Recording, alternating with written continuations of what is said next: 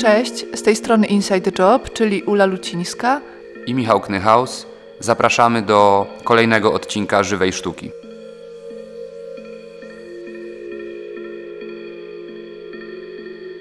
Dzisiaj będziemy opowiadać o jednej z naszych prac w kontekście pojęcia futuryzmu. Jest to o tyle istotne, że w naszych realizacjach bardzo często podejmujemy wątki dotyczące wizji przyszłości czy krajobrazów przyszłości. Nasze prace bardzo często przyjmują też rodzaj takich wieloelementowych instalacji, e, dedykowanych konkretnej przestrzeni albo inspirowanych konkretnym miejscem.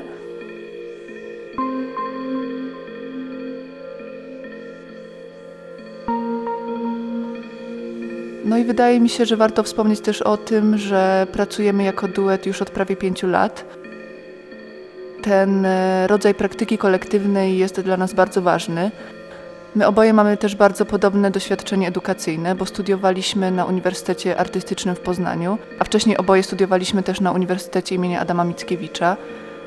Ja studiowałam historię sztuki, a Michał studiował historię kultury. No i to doświadczenie mm, teoretyczne zdobywane właśnie na tych studiach humanistycznych e, wpłynęło w dużym stopniu na to, jak ukształtowała się nasza twórczość później.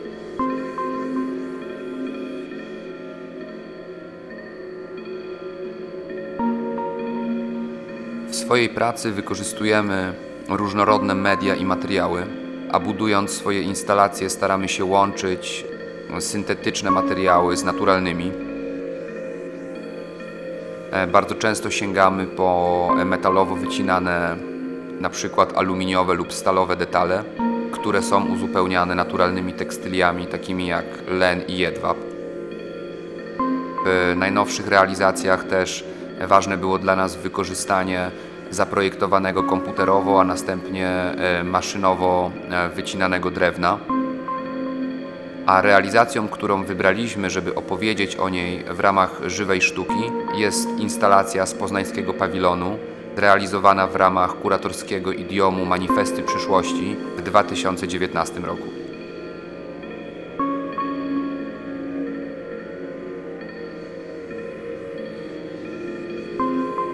Ramach projektu Żywa Sztuka zostaliśmy połączeni z pojęciem futuryzmu. I faktycznie z tym pojęciem jesteśmy łączeni dosyć często i często pojawia się pytanie, jak ten futuryzm przejawia się e, w naszych realizacjach, jak on wpływa na wizualną warstwę mm, tego, nad czym pracujemy, albo w jaki sposób jest przez nas interpretowany. My w swoich pracach e, bardzo często operujemy taką estetyką, która kojarzy się właśnie, czy znana jest z filmów science fiction, czy taką, która związana jest e, z jakimś wyobrażeniem alternatywnych przyszłości, ale też taką, która bardzo często i bardzo silnie korzysta z technologii. Ale trzeba też powiedzieć, że samo pojęcie futuryzmu jest bardzo problematyczne i nas interesują przede wszystkim jego współczesne rozwinięcia, jego aktualne recepcje, czyli takie, które kierują się ku jego otwieraniu, ku redefiniowaniu go. No i przede wszystkim ku zauważaniu jakichś takich zagrożeń, które wiązały się z jego pierwotnym użyciem i znaczeniem. No bo klasyczny futuryzm jako ruch awangardowy, który wywodził się z Włoch e, i rozwijał się na początku XX wieku, łączy z naszą praktyką e, przede wszystkim, a, a może i jedynie e, pewne zorientowanie na przyszłość. E, na przyszłość rozumianą jako jakiś wirtualny konstrukt, który może mieć również silny wpływ na teraźniejszość i generalnie na to, co dzieje się teraz.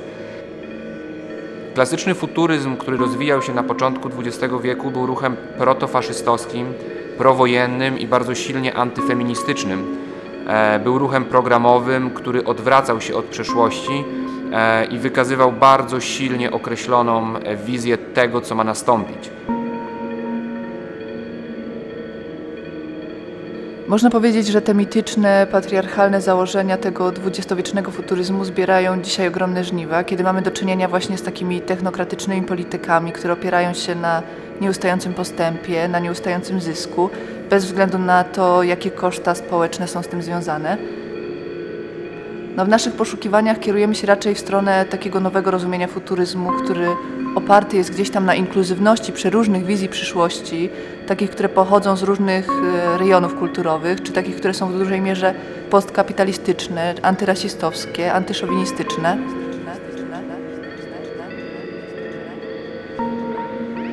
Dlatego też e, jakby przede wszystkim może chcemy zwracać się w stronę pojęcia ksenofuturyzmu, na które natrafiliśmy i które rozwijane jest chociażby w tekstach e, Armena Avenesiana, ale i pobrzmiewa w innych aktualnych nurtach filozoficznych, takich jak na przykład spekulatywny realizm, nowy materializm czy, czy posthumanizm. I w tym ujęciu mamy przede wszystkim na myśli takich filozofów jak Grahama Harmana, E, Quentina Mileso, Timotiego Mortona, czy, czy bardziej znanych, znane i tłumaczone e, też na polskim rynku wydawniczym e, Donne Haraway i Rosie Braidotti. I interesuje nas takie założenie, czy taka próba dostrzeżenia jak największej różnorodności i, i, i możliwości wizji i realizacji scenariuszy przyszłości. I taki wymiar jakby spekulowania o niej E, który zwrócony jest może akurat w naszej konkretnej e, praktyce w stronę materii i obiektów. I poprzez to e, taki, który eksploruje również pozaludzkie, kosmiczne czy nawet cyfrowe światy.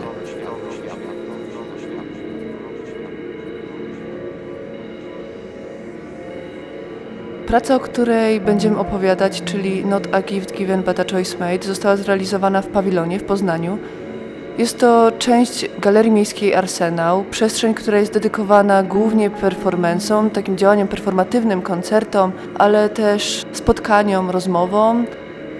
My z kolei wykorzystaliśmy ją właśnie do zbudowania takiej wieloelementowej instalacji, takiego environmentu można powiedzieć.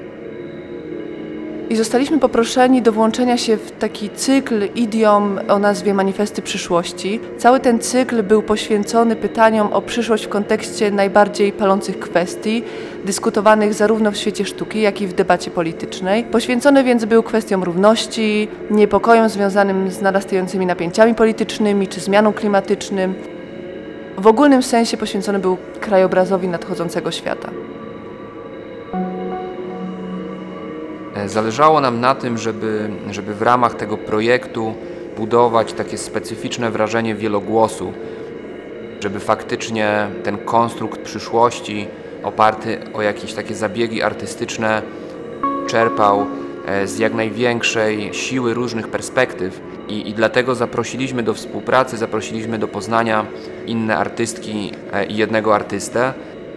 Mianowicie zaprosiliśmy do współpracy e, Dorotę Gawędę i Egle Kulbokaite, które pracują e, wspólnie e, jako duet Young Girl Reading Group i w swojej pracy zajmują się teorią i fikcją inspirowaną feminizmem, emancypacją, też również silnie opartą na technologii oraz można powiedzieć dyskursywnością przestrzeni i wykorzystując medium tekstu nie skupiają się na tym, aby uzyskać gruntowną wiedzę czy pełne zrozumienie tekstu jako całości, ale szukają raczej e, takiego podejścia do czytania jako zjawiska z e, perspektywy nieakademickiej, niehierarchicznej. No i bardzo często również pracują w oparciu o, o kolaż tekstowy.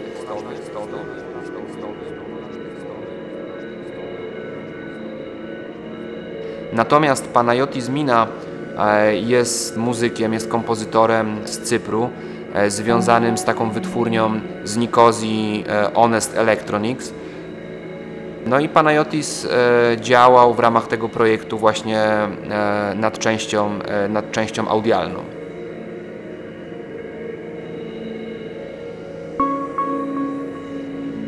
No i ten wielogłos, czyli taka forma budowania wspólnotowości, wydaje nam się kluczowa dla mówienia o przyszłości czy jej konstruowaniu, i w, związku z tym ten projekt w pawilonie opierał się w dużej mierze właśnie na współpracy. Te realizacje łączy też bardzo duża doza jakiegoś takiego intuicyjnego zrozumienia, dlatego że przede wszystkim wymienialiśmy się inspiracjami.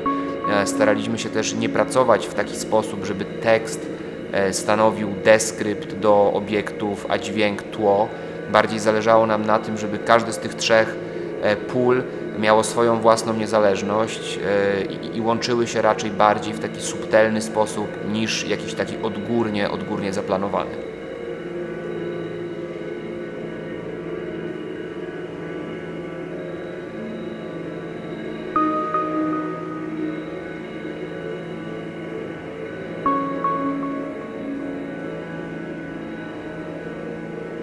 Czyli tak, podsumowując to, co powiedział Michał, nasza praca w pawilonie była podzielona na takie trzy segmenty. Obejmowała warstwę wizualną, za którą odpowiedzialni byliśmy my. Obejmowała warstwę tekstową, za którą był odpowiedzialny duet Young Girl Reading Group i obejmowała warstwę audialną, którą zajmował się Panayotis Mina.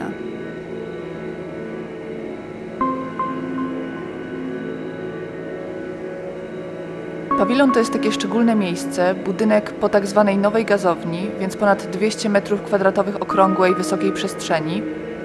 Główna sala, czyli ta, w której e, zlokalizowana była nasza instalacja, otoczona jest korytarzem. I żeby dostać się do środka, odwiedzający musieli przejść przez e, ten korytarz, ale też przez sporych rozmiarów drzwi, które oddzielone były dodatkowo taką czarną kurtyną.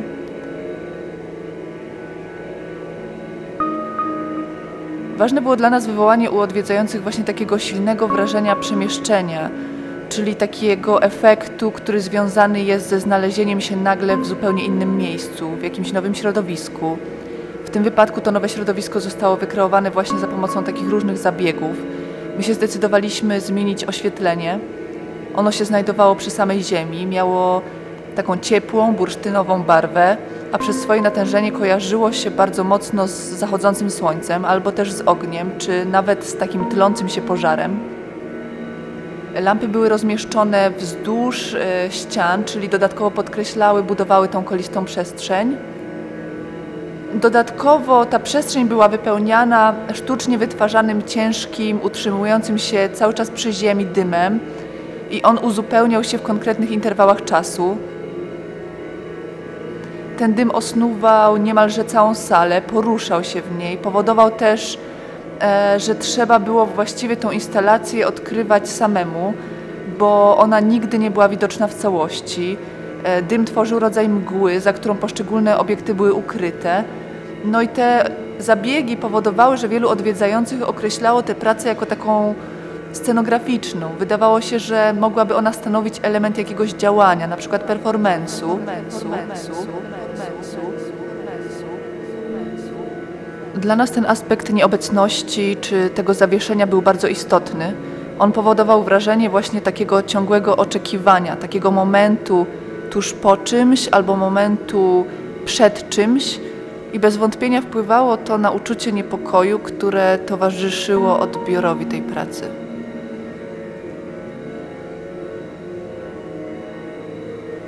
Nasza instalacja składała się z dziesięciu podwieszonych od sufitu pionowych obiektów. E, One były rozproszone równomiernie po całej przestrzeni. Można je było trochę skojarzyć ze swego rodzaju lianami, które u dołu z kolei zakończone były metalowymi takimi wahadłami jakby.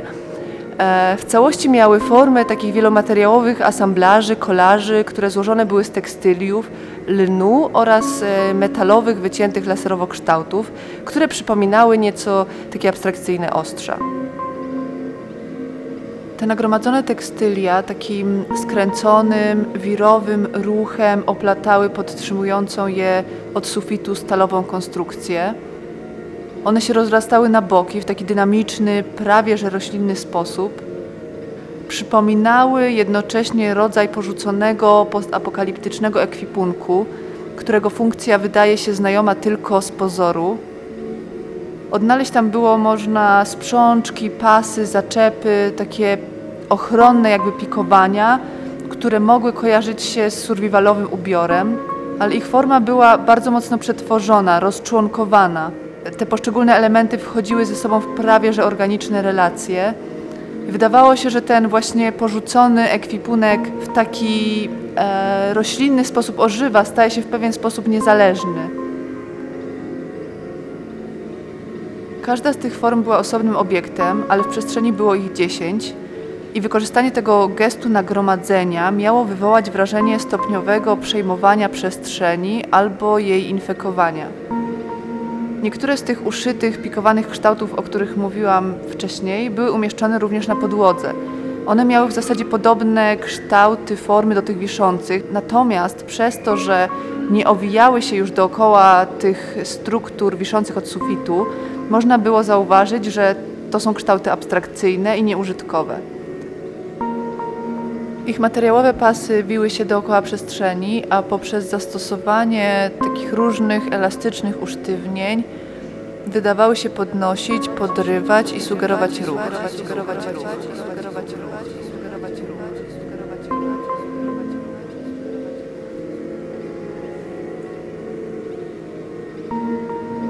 Metalowe elementy w swoim kształcie odnosiły się do powiedzmy znanych z popkultury tribalnych ornamentów. Kojarzyły się też w jakiś sposób z taką dziwną, e, bezużyteczną bronią. Przywodziły więc na myśl też e, jakąś funkcję obronną, no ale raczej były abstrakcyjnymi kształtami, które miały grać właśnie z tym pragnieniem czy z tą chęcią przypisywania widzianym rzeczom e, określonej utylitarnej funkcji. E,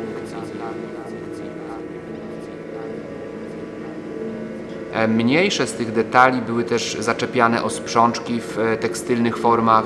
E, Większe stanowiły, tak jak już wspominaliśmy, rodzaj wahadeł, które delikatnie poruszane ruchem powietrza e, rzucały też takie powiększone cienie na, na betonową podłogę.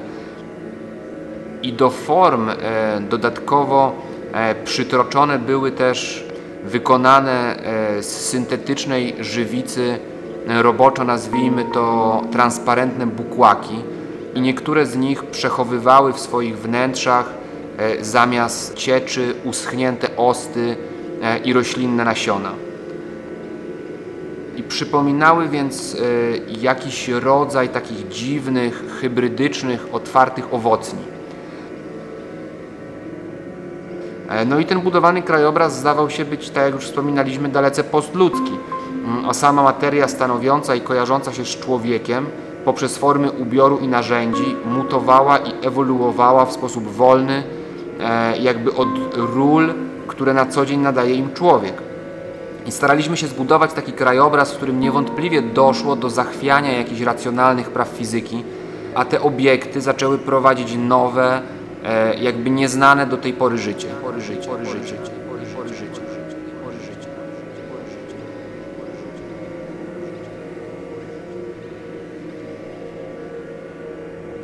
Odwiedzający pawilon widzowie przed wejściem do miejsca, w którym znajdowała się instalacja, otrzymywali tekst, który został przygotowany przez Dorotę i Egle. Na zaproszenie do Not a Gift Given But a Choice Made stworzyły one formę tekstową, e, która stanowiła rodzaj jakiejś takiej układanki słów, e, tekstów, akapitów pochodzących z różnych nurtów i gatunków literackich e, czy różnych kulturowych punktów odniesienia. E, Te fragmenty zespolone razem tworzyły coś w rodzaju wielogłosowej, nielinearnej opowieści, e, która w niektórych momentach traciła rytm, czy nawet przechodziła w taki suchy, teoretyczny, naukowy żargon. E, W ten sposób reader stawał się nie tyle tekstem do wystawy, co raczej taką niezależną strukturą wprowadzającą w rozproszony, taki nie do końca sprecyzowany nastrój. E, I właśnie on w kontekście tej realizacji był, był dla nas wszystkich istotny. E, Do stworzenia tego kolażu tekstowego wykorzystane zostały fragmenty i cytaty e, wzięte od takich autorów i autorek jak m.in. TJ Demos, Neddy Okorafor, wspominana Donna Haraway, Octavia E. Butler, Mark Fisher, e, Ursula K. Le Guin, e, od której też został wzięty tytuł całego projektu, Timothy Morton, Karen Barat e, czy Jeff Vandermeer.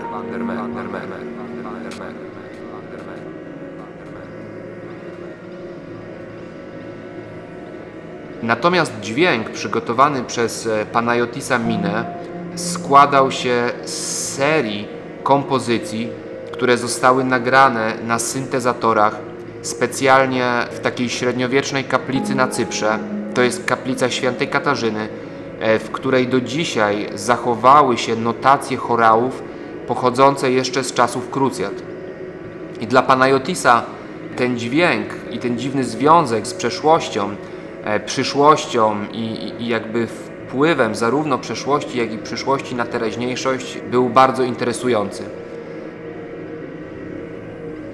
Finalna kompozycja opierała się na algorytmie, który mieszał ze sobą dźwiękowe ścieżki w taki sposób, że osoby odwiedzające wystawę za każdym razem słyszały inny rodzaj dźwięku. Ilość możliwych kombinacji była praktycznie niewyczerpalna. E, Nastrój muzyki z kolei przywodził na myśl dźwięki znane z filmów klasycznych gatunku science fiction i, i wprowadzał właśnie taki rodzaj też dziwnego, dziwnego zawieszenia, potęgującego ten nastrój obcowania z czymś nieznanym, może pozaludzkim, może poza, pozaludzkim, może, może pozaludzkim,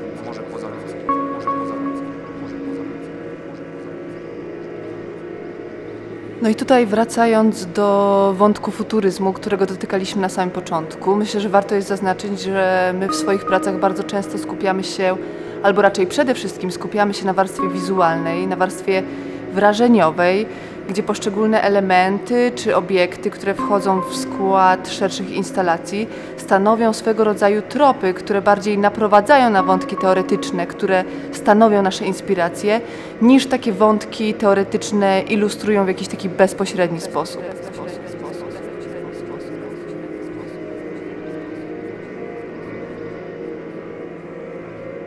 Można powiedzieć, że te właśnie wizualne tropy są rodzajami metafor tego, co ludzkie, nieludzkie, jakichś wzajemnych współzależności. A łącząc warstwę wizualną w tym wypadku z takim tekstowym kolażem i dodatkowo z warstwą dźwiękową, staraliśmy się oddać taką kompleksowość, ale też hybrydyczność zagadnienia dotyczącego przyszłości, jej przewidywania i dyskutowania. No i w tym sensie bardzo ważną rolę spełnia w naszych instalacjach odbiorca, który oczywiście spotyka się z jakimś określonym nastrojem, który wytworzyliśmy, natomiast dalej kwestia domyśleń, kształtowania wizji, interpretacji, tutaj właśnie związanych z przyszłością, wynika z jakichś takich osobistych emocji związanych z doświadczaniem pracy. Mm, Wydaje mi się, że właśnie poprzez to, że połączyliśmy ze sobą w e, tej pracy akurat wiele mediów, że przyjęła ona rodzaj właśnie takiego całościowego środowiska, że była wysoce imersyjna, to prowokowała do przemyślenia tego tematu i jakiegoś takiego swojego stanowiska. No i tak, ta instalacja nie miała więc jakiejś jednej linii narracyjnej, dookoła której byłaby zbudowana. Interesujący był dla nas raczej rozdźwięk pomiędzy pozornie stabilną wiedzą o świecie i jego nieskończoną ilością mutacji czy możliwości.